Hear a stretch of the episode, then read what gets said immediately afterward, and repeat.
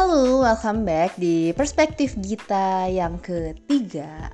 Kali ini kita bakal ngomongin tentang gimana sih caranya bilang ke orang tua kita bahwa kita siap untuk menikah atau kita udah punya rencana nih mau nikah dengan orang yang kita pilih.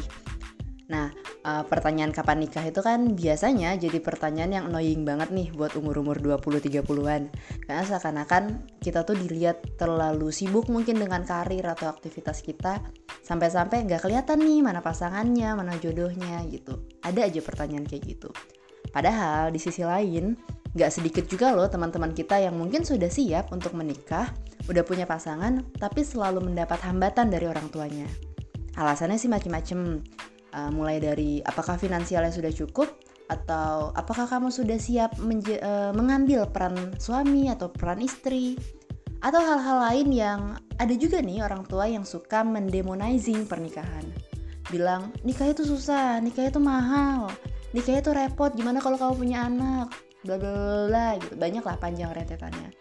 Nah kita sih sebenarnya uh, percaya bahwa setiap orang punya caranya masing-masing dong ngomong ke orang tua gimana caranya supaya mereka dapat restu tuh di pernikahannya. Tapi sekarang sih yang pengen kita sharing adalah apa sih yang kita lakukan, yang aku lakukan dan Mas Bagus lakukan waktu dulu kita bilang ke orang tua kalau kita mau nikah. Karena uh, waktu yang kita butuhkan dari meminta izin ya Mas ya buat nikah ke orang tua dengan pernikahannya itu sendiri relatif singkat sih, sekitar hmm, berapa bulan ya? September Oktober November Desember Januari. Ya lima bulanan lah. Lima bulanan untuk lamaran dan langsung memutuskan tanggal pernikahan. Dari aku dulu mas dulu nih sharing nih? Aku dulu oke. Okay.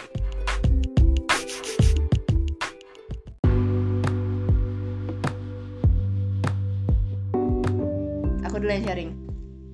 Ini unik sih kalau aku dulu yang sharing ya. Uh, kalau aku sih dari aku di keluargaku kami adalah tipikal yang uh, memang orang tua dan anak tuh hubungannya deket banget deket banget kayak temen. Bahkan sampai kalau teman-temanku ke rumah mereka tuh aneh aja ngelihat aku ngobrol sama mama karena aku sedekat itu dengan ibuku. Aku bisa ngomongin apa pun dengan ibuku dari yang bagus-bagus sampai yang aib-aibnya aku ibuku tahu. Ya kadang orang tua marah juga sih kalau emang kita bandel gitu.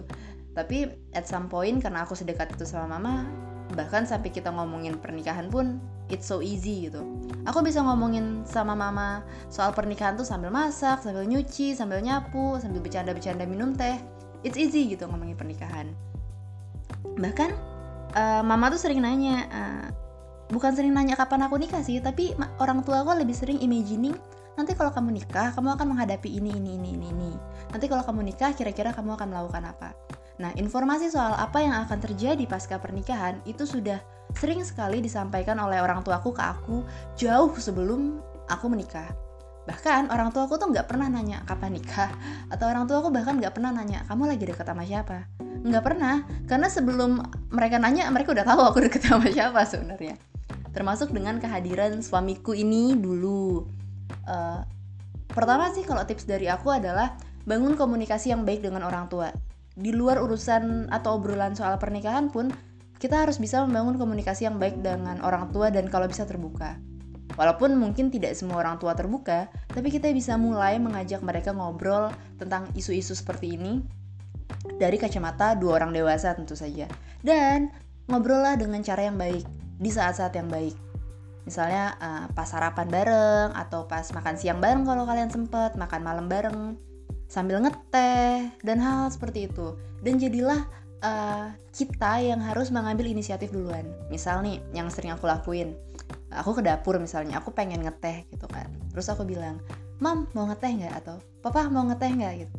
Sekalian nih aku mau buatin. Nah kayak gitu tuh. Akhirnya mereka kan nggak akan melihat aku kamu ada maunya ya bikinin papa teh? Nggak kayak gitu. Karena aku pun melakukan itu untuk diriku sendiri aku bawain nih terus tehnya ke mereka terus kita ngobrol-ngobrol dari hal-hal ringan. Terus mulai deh ngomong ke pernikahan. Nanya dulu misalnya kita bisa nanya uh, dan memulai obrolan pernikahan itu dengan bertanya mama dulu sama papa ketemunya gimana sih? Mama dulu sama papa gimana sih nikahnya? Awal-awal pernikahan apa sih yang yang terjadi gitu kesulitannya apa? Nah cara seperti ini menurutku lebih efektif karena Pertama, kita tidak seakan-akan jadi pengen diperhatiin duluan. Karena kita memberikan ruang bagi mereka untuk ngobrol dulu.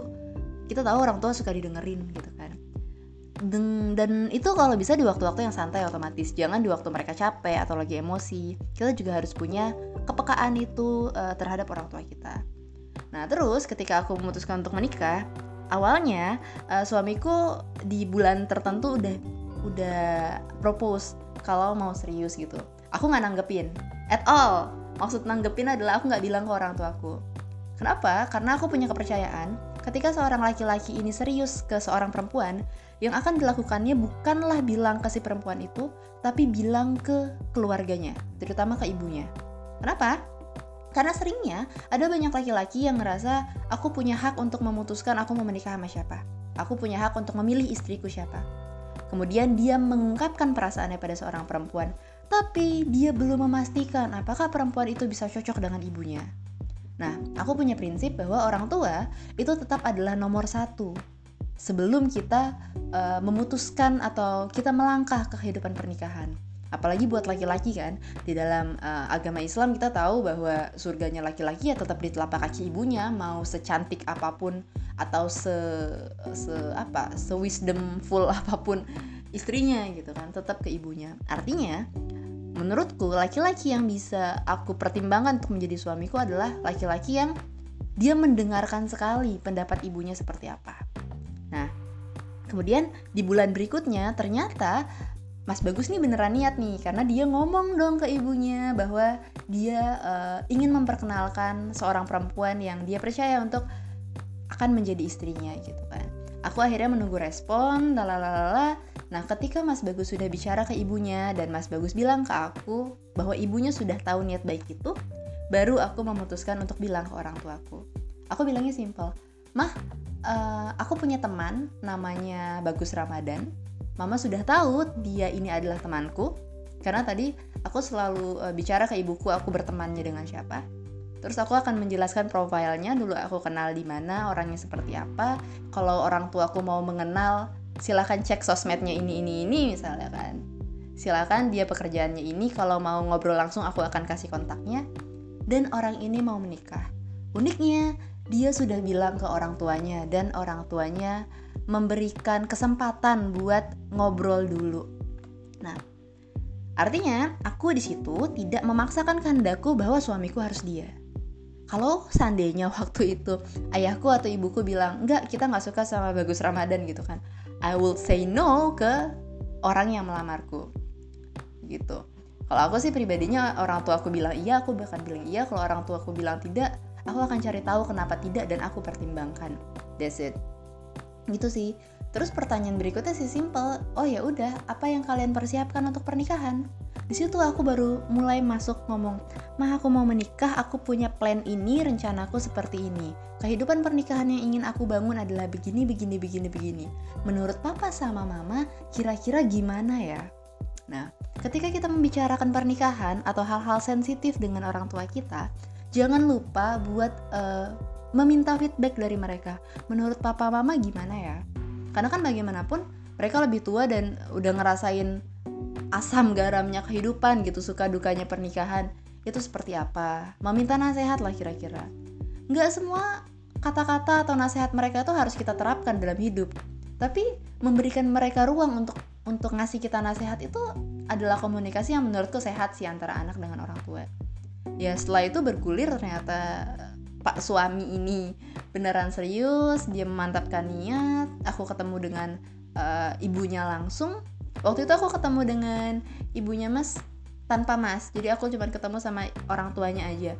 Bayangkan betapa nervousnya diriku saat itu. Aduh ya gitu deh pokoknya. Orang tua aku niat terus uh, uniknya sih waktu menjelang lamaran yang mungkin next time sih aku ceritain kenapa itu itu jadi unik. Mungkin sekarang mas dia bisa sharing apa yang waktu itu terjadi? Gimana caranya kamu minta izin dengan semua pengalaman relationship sebelumnya?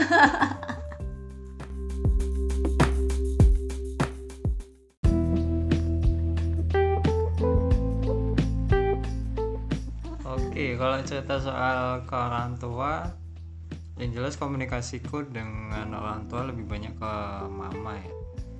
Uh, kalau ke mama itu uh, macam-macam. Hampir semua keputusan memang diambil bareng mama bareng gitu kan. Terus juga eh, mungkin ini juga yang mungkin beberapa orang bisa relate gitu kan. Bisa jadi eh, anak laki-laki dengan ibu ibu itu punya banyak cara untuk menjamin anaknya apa ya eh, bisa dibilang terlindungi lah gitu misalkan. Salah satunya adalah dengan ya menen- menentukan siapa yang eh, cocok untuk mendampingi gitu kan. Memberikan restu ya, ya. ya bahasanya mungkin restu tapi tentu tindakannya macam-macam ya dan mengevaluasinya bagaimana gitu kan Eh, karena tadi disinggung dikit soal relasi masa lalu jadi eh, bisa dibilang sih rel- relasi yang masa lalu itu hampir semuanya memang gagalnya ada di mama gitu kan Jadi kamu niat serius dengan pasangan-pasangan sebelumnya, tapi ternyata ketika disampaikan ke orang tua nggak dapet gitu Hmm. kan. Mama nggak setuju. mama mama yang mama yang selalu uh, ngasih sinyal kalau nggak cocok gitu kan ada beberapa kasus uh, yang ya banyak kasus sih bertingkat gitu kan. Memang yang dikenalin uh, otomatis sangat berbeda ya selalu. Karena aku punya prinsip kalau melakukan hal yang sama nggak bakal dapat uh, results yang berbeda gitu kan. Mhm. akhirnya dari yang lalu-lalu selalu punya tipikal yang berbeda. gitu kan itu terus ya ketika ngomong ke mama eh, pingin nikah sebenarnya udah bilang ya sejak mengajukan nama berarti kan sejak udah orang-orang sebelumnya gitu kan Maksudnya kalau punya relation pasti tujuannya buat nikah dan pasti disampaikan ke mama. iya eh, Oke. cuman memang tinggal proses approvalnya aja nih disetujuin atau enggak gitu kan nah Oke. proses penyetujuannya ini banyak gitu kan jadi mama selalu nanya interaksinya bagaimana terus eh, anaknya seperti apa kegiatannya bagaimana terus Keluarganya gimana? keluarganya gimana ini keluarga juga jadi, Jadi poin penting buat pertimbangan mama gitu kan Di keluargaku juga. Heeh. Sampai ditanyain ini beneran nggak keluarganya ada gitu. Karena kita nggak pernah ketemu jauh ya. Orang tua aku di Lampung, aku di Jakarta, orang tuanya Mas Bagus di Malang. Pertama kali ketemu adalah lamaran. Langsung ya. Nah, orang tua kita pertama ketemu tuh langsung lamaran. Mm. Nah kan kalau di kasus kita bahkan orang tua dengan orang tua itu nggak ada sedikit pun senggolan gitu kan dengan konteksnya pun nggak ada gitu konteks maksudnya dari kota mungkin dari pergaulan gitu kan sangat sangat berbeda gitu kan Eh, balik lagi ke kriteria keluarga ya. Kalau dari mama juga itu jadi pertimbangan karena eh, buat mama menurut mama itu bisa jadi apa ya kalau dibilang sekarang sih mungkin privilege ya. Memang mama punya perhatian khusus soal itu karena memang dari latar belakangnya memang seperti itu dan belajar dari keluarga besar gitu kan. Nah akhirnya eh, dua relasi sebelumnya sih itu juga kurang cocok gitu Oh, kan dua mantannya. iya ya aku nyebutin juga Iya, dua. Siapa tuh? Siapa tuh? oke lah itu skip aja lah skip aja lah Ini Oke. kita kita sempet bikin itu ya. Nanti kita bakal bikin uh, podcast soal permantanan sehat ya. kita cerita soal mantan-mantan kita nanti. oke Oke, terus next next next. skip. Nah, dan lanjut soal gimana gimana mempertemukan dua keluarga gitu kan. Yang jelas ketika aku mengajukan nama eh, Gita gitu kan Responnya aku gimana? bilang aku bilang ke mama ya evaluasinya sih sama gitu kan. Apalagi ini dengan yang benar-benar berbeda gitu kan. Kalau dulu mungkin mama bilang interaksinya kok online aja gitu kan. Ternyata ketika aku nyebutin bahkan kenal di Facebook mama dengan kondisi sekarang kayaknya ada perubahan perspektif gitu kan dari bertahun-tahun yang sebelumnya gitu kan. Tapi tetap mama itu butuh semacam momen untuk mengenal gitu kan. Akhirnya aku bilang ke mama ya mama kalau pingin tahu eh, mama bisa interaksi langsung gitu kan. Mama yang menilai nanti sampaikan ke aku kesannya mama gimana. Nah Mhm. ini yang menurutku penting gitu kan. Apalagi untuk anak laki-laki yang biasanya oleh ibunya sangat apa ya di dikunci gitu kan. Nah eh, evaluasi dari mama atau kesannya mama itu biasanya jadi apa ya eh, keyword penting gitu kan kalau lanjut enggak Ah, dan, dan kita dan kita sebagai anak memang eh, harus ngerti, maksudnya harus ngerti ini. Kadang orang tua membahasakannya berusaha sehalus mungkin agar misalkan kalau nggak cocok eh, si cewek nggak nggak tersinggung gitu kan, atau keluarga si cewek nggak nggak tersinggung. Gitu. ini harus peka-peka banget ya dengan Ah. cara orang tua berkomunikasi ke kita tuh gimana Benar itu juga gitu kan, karena mau eh, aku sih percaya orang tua ketika ketemu dengan orang tua lain atau dengan orang asing itu berusaha untuk tetap saling respect sih. Bener aku banget. percaya dengan itu. Heeh, kayaknya mereka lebih jago ya respect ke orang daripada kita ya. Kita kalau nggak suka apa dah gitu langsung ditinggalin. Nah kalau dengan kita penentunya adalah ketika eh, mama ada acara kalau nggak salah sama adikku di Jakarta waktu itu. Itu bulan Oktober kalau nggak salah. Mm-mm. Oktober 2019 ada acara dan waktu itu Ya, mama 2018. berangkat ke Jakarta gitu intinya. Dan di Jakarta ketemu kita aku minta kita buat ketemu sama mama Mm-mm. gitu kan. Mama aku juga kasih tahu ma nanti ketemuan kita gitu. Mm-mm. ya waktu itu sih nggak ada briefing. Yang jelas eh, Gita sama mama ketemu entah ngobrol apa gitu kan. Oh anda Aku tidak tahu sampai ngerti. saat ini ya? Aku nggak ngerti. itu obrolan perempuan aku nggak ngerti itu ngobrolnya apa aja gitu kan. Yang jelas aku nunggu respon gitu kan. Respon dari kita gimana respon dari mama gimana gitu kan. Respon mama gimana tuh? Eh yang jelas sih aku nggak pernah lihat mama bisa begitu menggambarkan kalau mama menikmati perbincangan ya dengan orang asing. Apalagi temanku ya terutama temanku. Wak- waktu itu mengesankan seperti itu. Jadi mama malah banyak cerita gitu kan katanya gitu. Mama cerita kalau mama banyak cerita. Padahal mama itu nggak gampang membuka urusan keluarga ke orang lain gitu loh. Bahkan mungkin cenderung sangat pilah-pilah gitu loh bener ke orang lain. Bahkan ngajarin ke aku ya kamu nggak usah ceritain semua hal gitu loh. Gitu. Ya dari situ sih nangkepnya oh ini positif gitu kan. Nah ini dari satu sisi ini masih mama gitu kan.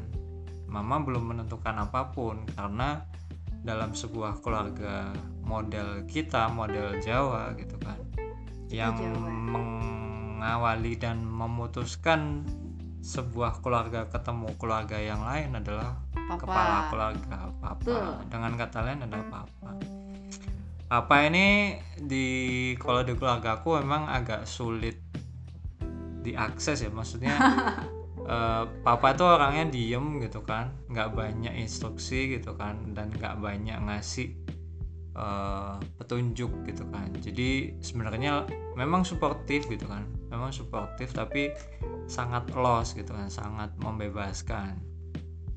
Cuman papa selalu eh, ketika diminta untuk membuat keputusan papa harus menjamin itu benar-benar sudah mata. Jadi ya mungkin hebatnya papa di situ sih.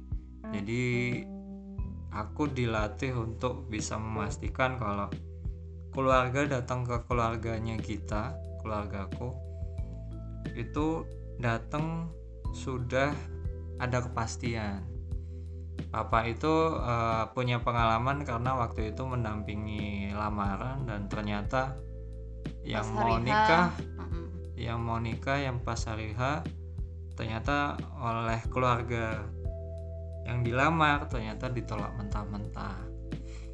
Akhirnya kan satu rombongan malu semua tuh. Nah buat papa yang seperti itu jadi masalah serius. Akhirnya papa selalu wanti-wanti "Eh, keluarga Lampung sudah siap gitu pertanyaannya kayak gitu, gitu kan. jangan sampai nanti sampai sana masih belum jelas gitu. Papa selalu gitu. Pokoknya semuanya harus sudah jelas gitu ya aku sih berusaha apa berkomunikasi dengan papa sematang mungkin ya otomatis harus semuanya sudah terencana gitu kan. Jadi aku nggak bisa bilang pak kita ke Lampung gitu kan. Tanpa ada uh, tanggal tanpa ada rencana naik apa tanpa ada persiapan bawa apa gitu kan nggak boleh ada yang seperti itu. Kalau di keluarga aku eh, dengan papa memang seperti itu. Ini mungkin kalau buat teman-teman juga ada yang konteksnya seperti itu. Bisa jadi kalau orang tua diem aja atau nggak ngerespon mungkin karena kitanya juga kurang meyakinkan. Benar benar benar.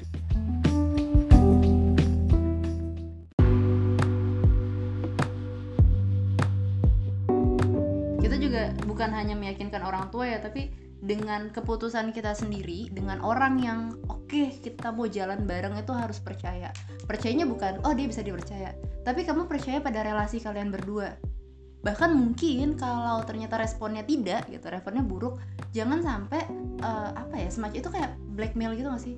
Ya kan ketika kita uh, propose sesuatu ternyata orang tua nih yang kita harapkan banget restunya tuh turun tapi ternyata kita nggak dikasih kecewa dong. Nah jangan sampai tuh perasaan kecewa itu merusak relasi kamu dengan uh, apa ya pasangan kamu ya.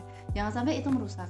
Nah gimana caranya itu tidak sampai merusak? Ya kamu harus benar-benar yakin bahwa keputusan yang kamu akan ambil itu benar bahwa orangnya itu sesuai. Tapi jangan juga keras kepala atas itu gitu loh.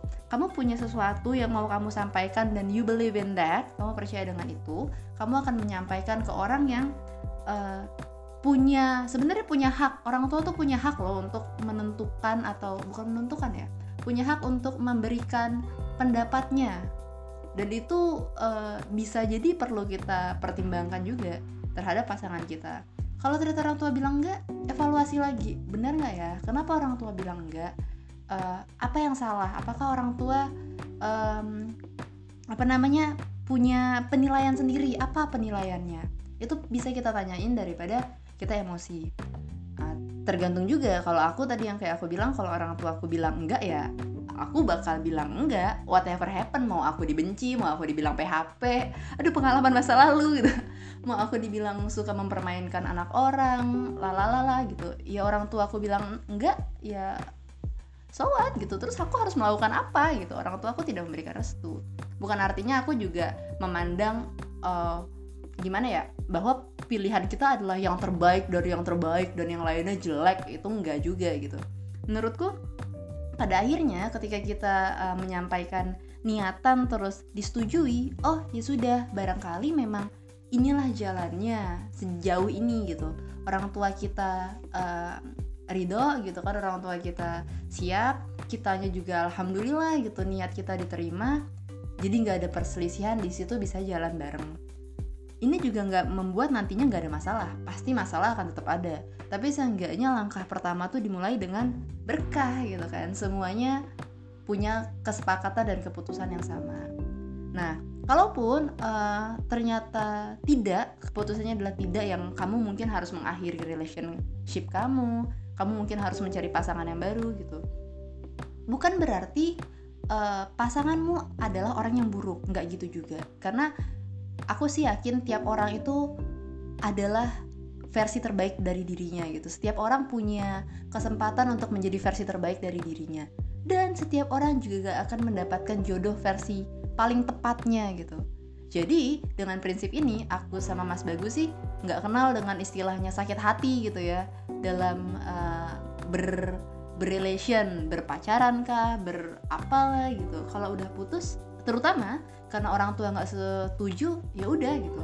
Kamu akan menemukan pasangan yang baik untukmu dan pasanganmu mantan kamu juga akan ketemu dengan pasangan yang baik untuknya. Selesai gitu. Semua kekecewaan dan lain sebagainya itu akan hilang pada masanya sebenarnya. Ya you just menjalani hidupmu saja. Kayak gitu sih. Ada tambahan lagi nggak kira-kira? Apa ya? Gimana caranya bilang ke orang tua kalau kita mau nikah? Hmm ya dari situ sih. Ketika semuanya udah siap ya uh, udah bilang ke papa dan papa udah oke okay, gitu. Otomatis semuanya udah tinggal jalan sih waktu itu gitu kan. Bahkan waktu itu kan uh, aku nawar lebih ke nawarkan diri sih. Terus ditawarin juga kebetulan. Waktu itu suruh nampingin jamaah dari pulang dari sana juga ditanyain gimana gitu kan. Tanyain lagi gitu kan. Cuman membuktikan kalau aku benar-benar mantap waktu itu seperti itu prosesnya. Setelah itu ya bahkan pulang dari Saudi akhirnya langsung harus ke Lampung waktu itu silaturahmi gitu kan. Hmm, itu menyampaikan niat Bag, uh, bagian dari memastikan adalah aku yang harus datang ke Lampung sendiri gitu kan jadi bukan kita bilang ke orang tua untuk orang tua datang ke Lampung tanpa aku memastikan kalau keluarga Lampung sudah siap gitu kan. Itu nggak bisa dilakukan kalau kayak gitu. Akhirnya memang harus datang ke Lampung ngobrol dengan keluarga Lampung gitu kan. Kalau niatnya sudah disampaikan dan juga sudah diterima nah kalau sudah seperti itu tinggal disampaikan ke keluarga sendiri gitu kan. Kalau keluarga Lampung sudah siap gitu kan. Nah ketika sudah ada kejelasan seperti itu Papa sudah mulai siap-siap. Siap-siap. Siap-siap dengan pasukannya waktu itu gitu. jauh loh pesawatan Malang Lampung ya. Dengan rombongan. Wih. Nah, ya gitu sih. Kalau dengan orang tua sih waktu itu prosesnya seperti itu. Dan mungkin poin yang perlu di highlight juga adalah uh, kita ini sudah dewasa otomatis kita ngerasa kita punya hak buat ngambil keputusan untuk hidup kita sendiri. Yes that's right gitu kan. Tapi jangan pernah lupa bahwa sebelum kita ini uh, punya peran lain sebagai suami atau istri yakinlah bahwa orang tua itu tetap punya porsi prioritas dalam hidup kita. Dan jangan pernah lupakan itu. Kalau misalnya case-nya adalah uh, orang tuanya toksik mungkin ini adalah hal yang berbeda ya. Cuman uh, kita di sini ngobrol dalam konteks uh, keluarga pada umumnya gitu kan. Yang ya pasti bisa lah diajak komunikasi. Kalau kita berpikir orang tua kita nggak bisa diajak komunikasi evaluasi lagi introspeksi. Jangan-jangan kita yang nggak nggak tahu caranya berkomunikasi dengan mereka gitu kan. Um, gitu dulu sih kalau ngobrolin soal gimana caranya ngomong ke orang tua. Pertama relasinya tadi harus baik terus kedua cari waktu yang tepat. Tiga, kasih juga uh, orang tua kita ruang untuk memberikan pendapatnya soal marriage, soal uh, mungkin kehidupan finansial setelah berkeluarga dan lain sebagainya. Kemudian kenalkan pasangan kita sebagai teman atau memang langsung saja dengan profilnya dan berikan orang tua kita kesempatan untuk langsung mengenal dia. Kalau posisinya jauh bisa lewat medsos, jangan sembunyiin akun Instagram, Twitter, kalau bisa nggak usah disembunyiin, Instastory nggak usah di hide ya teman-teman ke musuh boleh, ke orang tua nggak boleh. Ingat itu baik-baik. Doa ibu berkah. Terus Facebook semua. Kalau emang zaman dulu ada alay-alaynya ya, ya udah emang pasangin kita pernah alay gitu. Tapi kasih itu ke mereka. Setelah itu punya kesempatan ya ketemu langsung dan dengarkan lagi bener-bener pertimbangin mereka ngomongnya apa, mereka nasihatinnya apa. Kemudian juga percaya dengan hubungan kita, jangan sampai uh, penolakan kalau datang penolakan itu merusak emosi kita, mengganggu emosi kita, merusak relation kita juga. Dan apa pun yang terjadi, setiap orang itu sudah Tuhan tetapkan untuk memiliki pasangannya masing-masing. Jadi kagak perlu berantem sama mantan, nggak perlu benci sama orang di masa lalu, nggak perlu juga nyalah-nyalahin orang, bilang orang PHP dan lain sebagainya. Cause your emotion is on your hand, oke? Okay? Gitu kira-kira. Oke, ini mungkin adalah salah satu podcast terlama yang kita buat iya kita udah ngerekam ini kira-kira 30 menitan. But it's okay. Thank you kalau udah denger selama ini. Kalau nggak sampai sini juga kita maklum karena ini obrolannya lama banget ya. Um, mungkin kalau ada yang bisa diambil dari dari obrolan kita hari ini juga semoga bermanfaat buat teman-teman. Kalau ocehan kita kepanjangan atau suara kita ngebosenin juga kita say sorry Oke, segitu dulu aja teman-teman. Mungkin next teman-teman bisa juga uh, komentar, kasih saran kita perlu mengimprove apa atau kita perlu ngobrolin hal apa lagi yang seru. Segitu dulu dari Gita dan What's your name? Spell your name. Bagus. Bagus. Kita dari keluarga.id. Oke, okay, thank you. Terima kasih. Selamat